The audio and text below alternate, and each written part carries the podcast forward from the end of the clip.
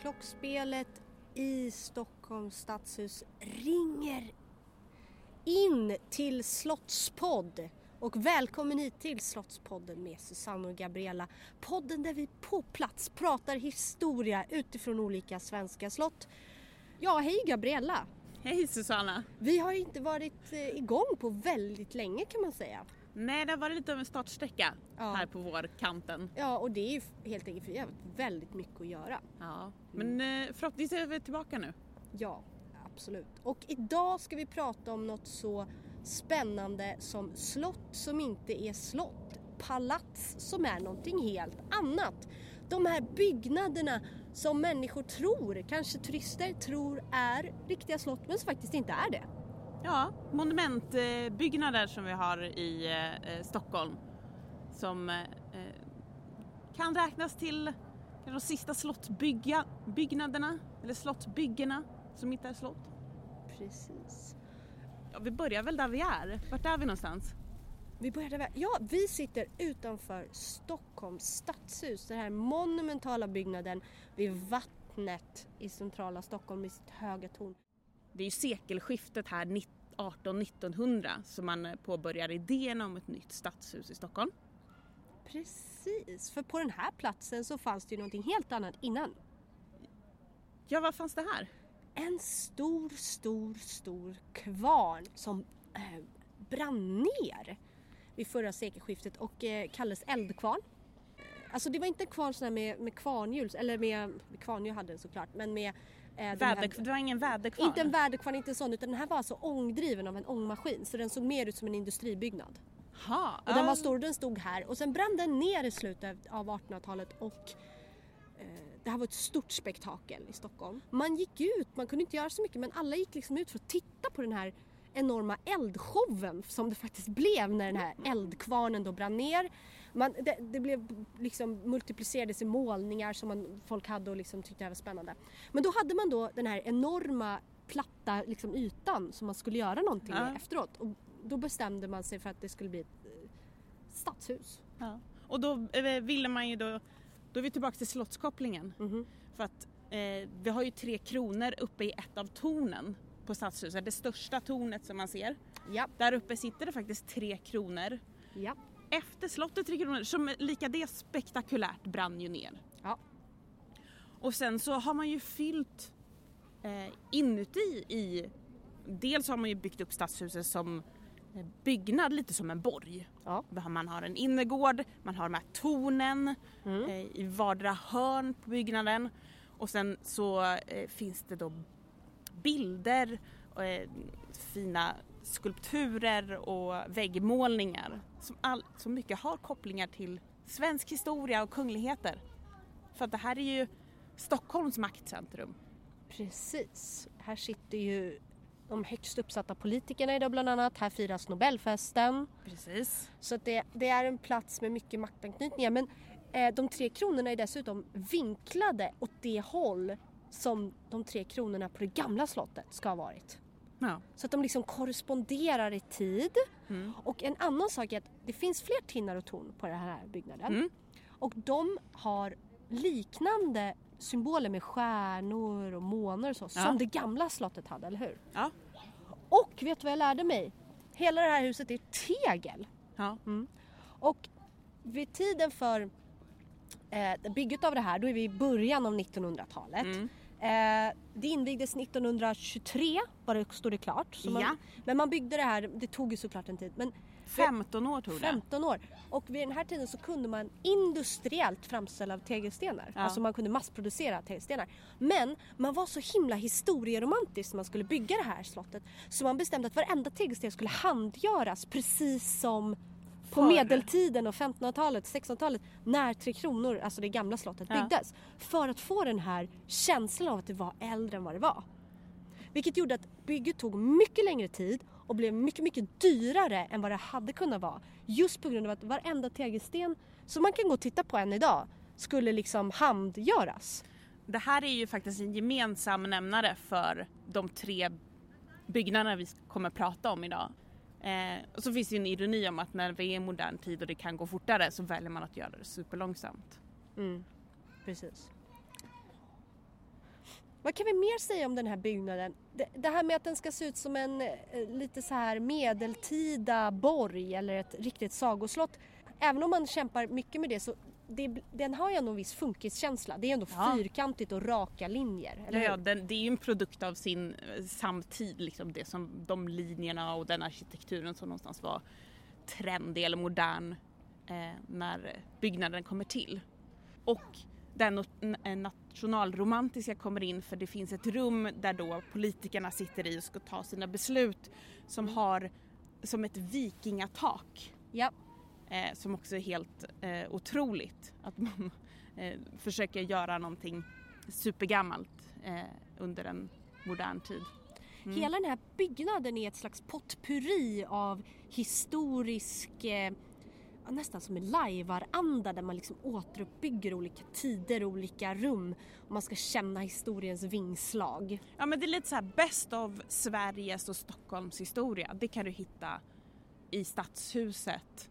Om man var en farbror runt eh, sekelskiftet 1900. Ja, ja. Mm, precis. För det är också en farbror som har byggt, eller som är arkitekten. Jaha, vad hette den farbrorn? Eh, han heter ju Ragnar, eller hette Ragnar Östberg. Ja, han är jättedöd nu. Han är eh, väldigt död.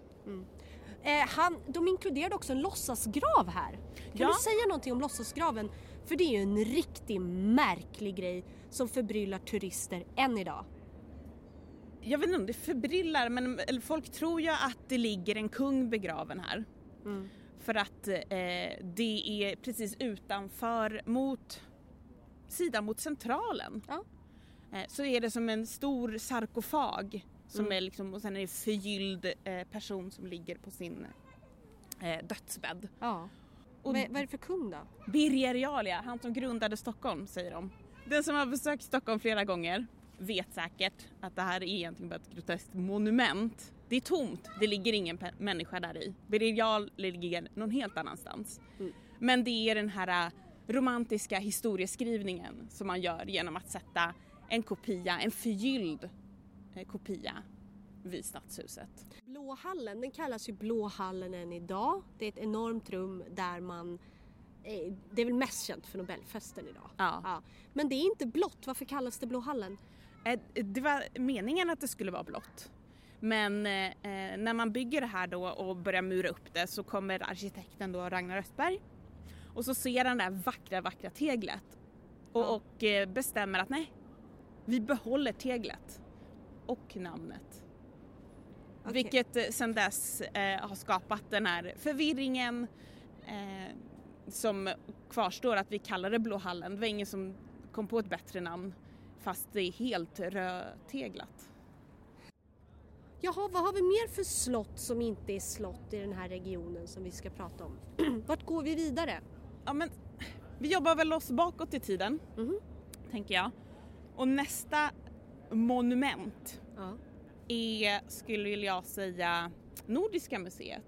Nordiska museet och det är ju också en sån här byggnad som många som inte kommer från eh, Sverige åker förbi och tror är Kungliga slottet. Ja, för det är ju en byggnad som har tinnar och torn.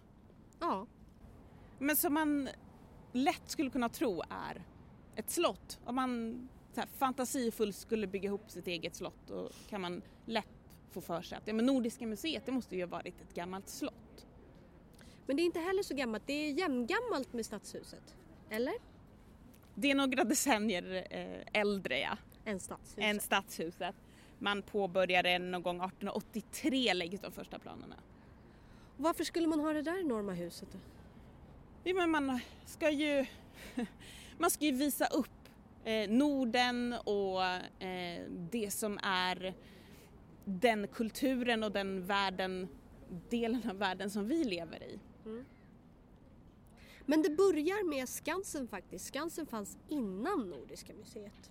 Ja, Skansen är ju faktiskt världens första utomhusmuseum. Ja.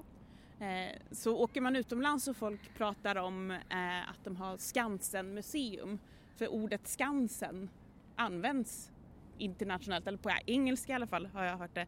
Eh, säger man Skansen om utomhusmuseum? ja, friluftsmuseer där man har den typen av gestaltade platser med riktiga hus som man har flyttat och sådär. Ja precis, för de som inte har varit på Skansen då, eh, Skansen är en plats där man har samlat hus och byggnader, miljöer från nästan alla delar av Sveriges hörn. Eh, grundpremissen för själva eh, museet, Skansen-museet, är ju att visa upp den, framförallt den nordiska faunan och eh, den svenska kulturen. Ja, men vad har det här med nordiska att göra? Jo, men för det är ju samma man som drar igång Skansen som har den här idén om eh, lägger grunden till Nordiska museet. Och det är en annan gubbe. Det är en annan gubbe. Arthur Ar- Hazelius. Artur Hazelius, precis. Denna eh, mustaschprydda 1800-talsman som blev inspirerad eh, vid en Dalarna-resa. Eh, åkte runt eh, i Sverige eh, på 1870-talet och, och han tyckte att det gamla landskapsbundna och jordbrukssamhället med sina gamla traditioner och sätt att leva och hantverk och så vidare höll på att dö ut och försvinna i den nya industriella tiden. Där allting blev mer likriktat. Så han fick för sig att han var tvungen att samla ihop det här och liksom spara det för framtida generationer. Ja. Och resultatet blir de här samlingarna Ja, som man har först på Skansen och sen så har man samlingarna inne på Nordiska museet. Och den här, eh, att det heter nordiska är också kanske lite grann att göra med att under den här tiden så är Sverige och Norge faktiskt samma land. Precis. Så man har också en Norden... Det är en uni- precis, eller man har den här unionen Ja. eh, mellan Sverige och Norge så att vi, har, vi är ett enda stort eh, fosterland och brödrafolk. Eh, som, eh, och då vill man poängtera det med att säga Nordiska museet. Precis. Vi hör samman. Precis. Och så vill man då visa upp det här på olika sätt. Och när man kommer då till Nordiska museet, bara utsidan har ju de här tinnarna och tornen, det är en maffig eh, arkitektur. Mm. Och kommer man in innanför dörrarna, Mm. då det först, bland det första som möter den Mm. är ju en enormt stor staty av ingen mindre än Gustav Vasa. Ja, i det här fallet elefanten i rummet kan man säga. Minst sagt. Ja, den är enorm. Den är enorm, den är jag vet inte hur många meter hög. Men eh, den tar upp nästan hela entrén. Mm. Och varför är han där då? Jo men det är ju någonstans eh, våran vad är det, svenska landsfader, han som enar Svea rike. Och vem bättre att representera eh, det svenska arvet, historien och Norden än Gustav Vasa. Och idag är det här en jätteskulptur i trä Ja. som från början gjordes av Milles, eller hur? Ja. Carl Milles som var en eh, känd skulptör eh, för ungefär 100 år sedan. Och han, han använde bland annat en träbit har jag läst eh, till att göra pannan på den här skulpturen. En träbit från en ek som Gustav Vasa själv ska ha planterat. Det är Där ser man. Ja. Eh, så man var väldigt sådär nitisk med det här historiska och att liksom känna att det var på plats. Men det är inte den första eh, statyn av Gustav Vasa som har stått där inne.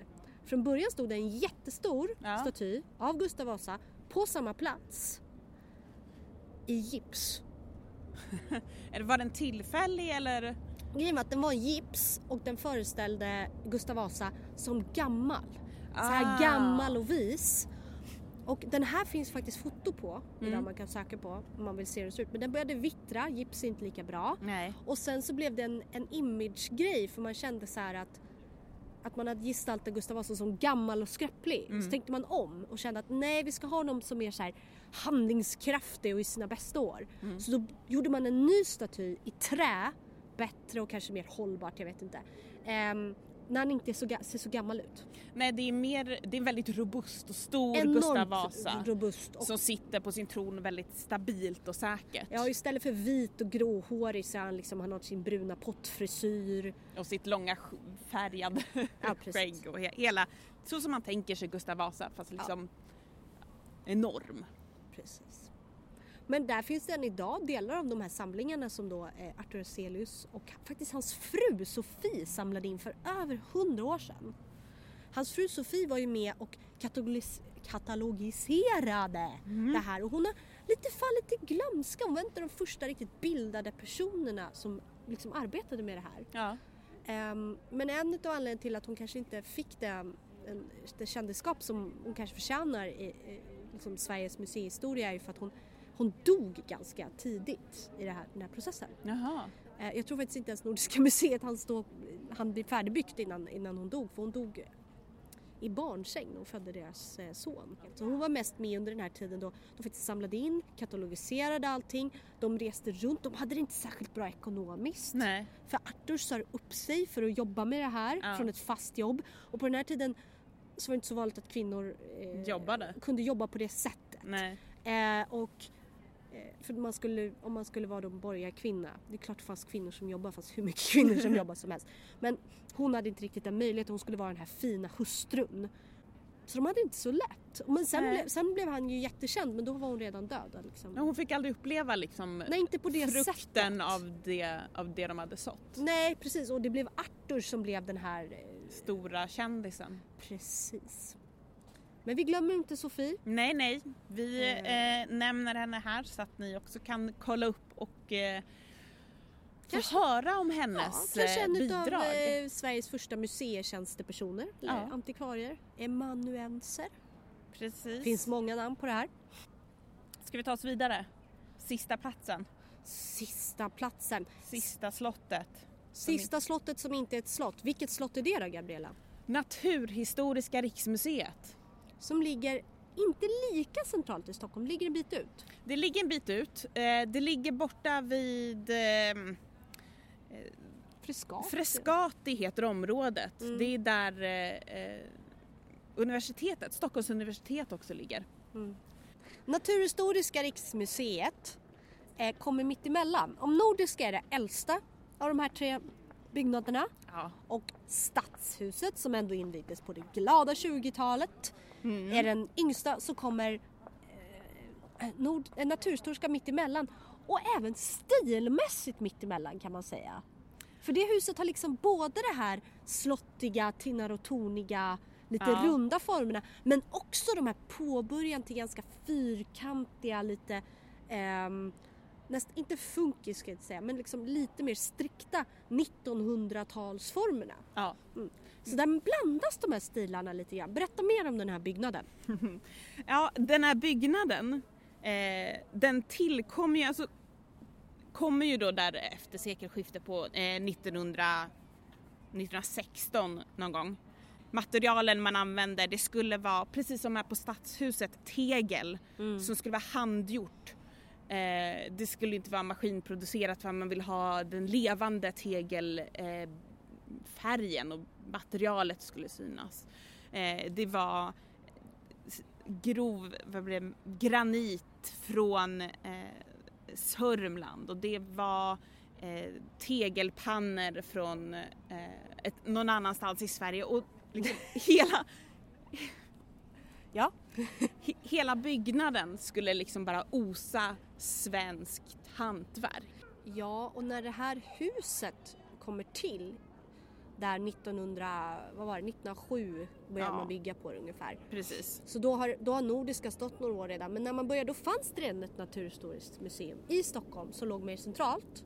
Eh, mitt, i, mitt verkligen i centrala Stockholm, Wallingatan heter det, Den korsar, korsar eh, Drottninggatan, den stora shoppinggatan i Mm. Stockholm. Så den låg jättecentralt men man ville ha något större, något bättre eh, och någonting pampigare. Alltså platsen som den är på nu är tror jag plats nummer fyra Mm. som Naturhistoriska haft. Wallingatan var den Mm. sista innan det nuvarande. Ja. Innan dess så hade de någon liten mindre lokal i Gamla stan Ja. och dessförinnan så var det ute på Drottningholm Jaså? eftersom mycket av samlingen, eller Ja. grunden till samlingen kommer från drottning Lovisa Ulrika som hade sitt naturalikabinett ute på Drottningholm. Och Lovisa Ulrika, ska vi påminna oss här, vem var hon? Hon var mamma till eh, Gustav III och drottning av Sverige gift med kung Adolf Fredrik. Så det här är mitt under upplysningstiden i Sverige. Precis, vi, vi, början, mitten av 1700-talet kan man säga var hon, var hon kronprinsessa och sen drottning. Ja, Och sen går hon bort i slutet av 1700-talet. precis. En fruktansvärt eh, utbildad kvinna.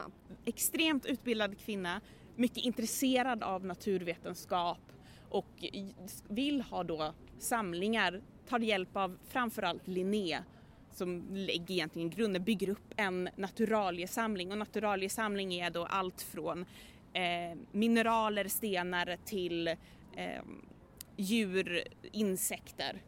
Allt som man Precis. kan tänka sig. Så om man, man ska skilja då det här som Arthur Hazelius samlar på sig Ja. och det här som Naturhistoriska har och som Lovisa Ulrika samlade på sig. Ja. Det är lite olika typer av saker, eller hur? Det är lite olika typer av saker. Så att nordiska, där är, där är det mer saker från bondesamhället, det svenska, kulturhistoriska föremål. Ja. Det kan vara kläder, det kan vara verktyg, det kan vara hela byggnader, Ja. det kan vara tyger. Medan där Lovisa Ulrika har, det är mer saker från naturen och inte nödvändigtvis just Sverige alla gånger. Nej. Utan mycket så här exotiska saker från andra länder, från långt ja, bort. Här, här, eh, precis, det är långt bort och det är eh, redan då en stark betoning på det vetenskapliga värdet i det du samlar på. Du ska kunna forska på det här. Och när Louise Ulrika sen dör och hela hennes samling någonstans eh, blir donerad Mhm. till eh, Vetenskapsakademin som då så småningom blir Naturhistoriska riksmuseet. Och till slut så är man där mot sekelskiftet, slutet av 1800-talet och man håller på och spricker i sömmarna. Och då bestäms det att vi behöver ny byggnad. Vi behöver något som kan representera den här vetenskapen och våra fantastiska samlingar där man redan eh, tidigt har öppettider och allmänheten har möjlighet att se och beskåda de här samlingarna av naturalier och djur som eh, Vetenskapsakademin och ja, Naturhistoriska har samlat på sig. Jag har ett tips där. Om ni går på Naturhistoriska riksmuseet och tittar på mineralsamlingen med stenar då, om man ska vara lite, ja, tala klarspråk. Ja. de, ap- så finns det, de absolut roligaste stenarna tycker jag i alla fall, eh, finns inne på toaletten på mineralavdelningen. Gå in där. Där finns det nämligen ett par njurstenar utställda. det är helt sant. Eh, så de har humor på det här stället också, Ja. vilket jag tycker är fantastiskt. Eh, apropå kvinnligt arbete som vi pratade om. Eh, det här, det. Den här byggnaden eh, byggs ju mycket av kvinnor. De Ja. gör själva grovjobbet här. Eftersom de bär allt murbruk. Alltså det, det är ju ett, ett otroligt hantverk Mhm. som ligger bakom. Alltså absolut jämförbart med, på, på många sätt tycker jag, med den 1600-tals arkitektur som man lägger på slott. Om man tittar på Drottningholm så kan man faktiskt se likheterna eh, med hur man lägger ner detaljer och vad det är man vill representera i den här byggnaden. Fast nu är vi på 1800-1900-talet istället för på 1600-talet. Men den här idén att allting ska synas eh, på det sättet som man, som man vill representera sin kultur och sin nation och, eh, och i det här fallet också då naturvetenskapen. Du hävdar ju att det här är de tre sista slotten som byggs. I, i Stockholm i alla fall. Jag tycker man kan se det så. Men varför byggs de nu och var, va, vad är det här för slott då? Berätta, berätta mer om det.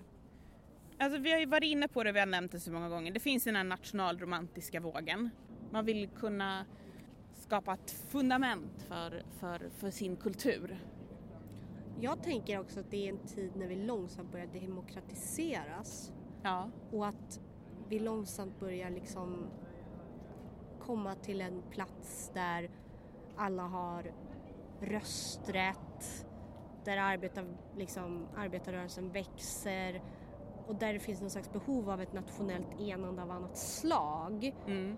Och då måste man bygga stora nationella, vad ska man säga, institutioner. Ja, eller statliga monument Ja. snarare än privata palats. Alltså det Mm. ser inte lika bra ut. Det är en slags enande kraft i det. Särskilt stadshuset är intressant för det invigs ju 1923 Ja. på, nu ska vi räkna här, 400-årsjubileet blir det väl va? Ja, av... eh, 1600, ja, av Gustav Vasas intåg i Stockholm. Det är intressant hur man i det här nationalbyggandet, i det här, eh, de här monumentala just väljer slottets estetik. Ja. Man korresponderar så mycket med gamla slott från 15 och 1600-talet och även medeltiden. Idag, Ja. när politiker vill bygga stora enande monument, ja, då bygger du inte tinnar och torn. nej, då bygger du en arena Ja. som ska se ut som en cirkel. Så det är liksom vår tids estetik. Stora glas, betong, svarta, vita byggnader. Eh, som ska symbolisera liksom transparens, gemenskap, ett bo. Men för hundra år sedan, då symboliserade slottens estetik gemenskap. Ja, absolut. Jag förstår att man väljer slotten som referens för att förut så fanns det, för att slotten och kungligheterna har varit liksom symboler som har samlat folk. Jag tror folk kunde läsa referenserna som de här byggnaderna har på ett sätt som man inte gör idag längre. Man tycker de här byggnaderna är gamla och dammiga, man tycker att referenserna är dammiga och inte går ihop med våra ideal vi har idag. Det är därför vi bygger arenor istället. Ja, så idag är vi lite mer rädda för det här nationalromantiska. Det har inte samma enande kraft kanske som det hade för hundra år sedan. Utan idag Nej. ska vi göra andra saker. Vi ska förenas kring OS, fotboll, Bruce Springsteen och Melodifestivalen. Ja. Om vi ser om 200 år, tror du Stadshuset eller Friends Arena står kvar i Stockholm? Stadshuset alla gånger.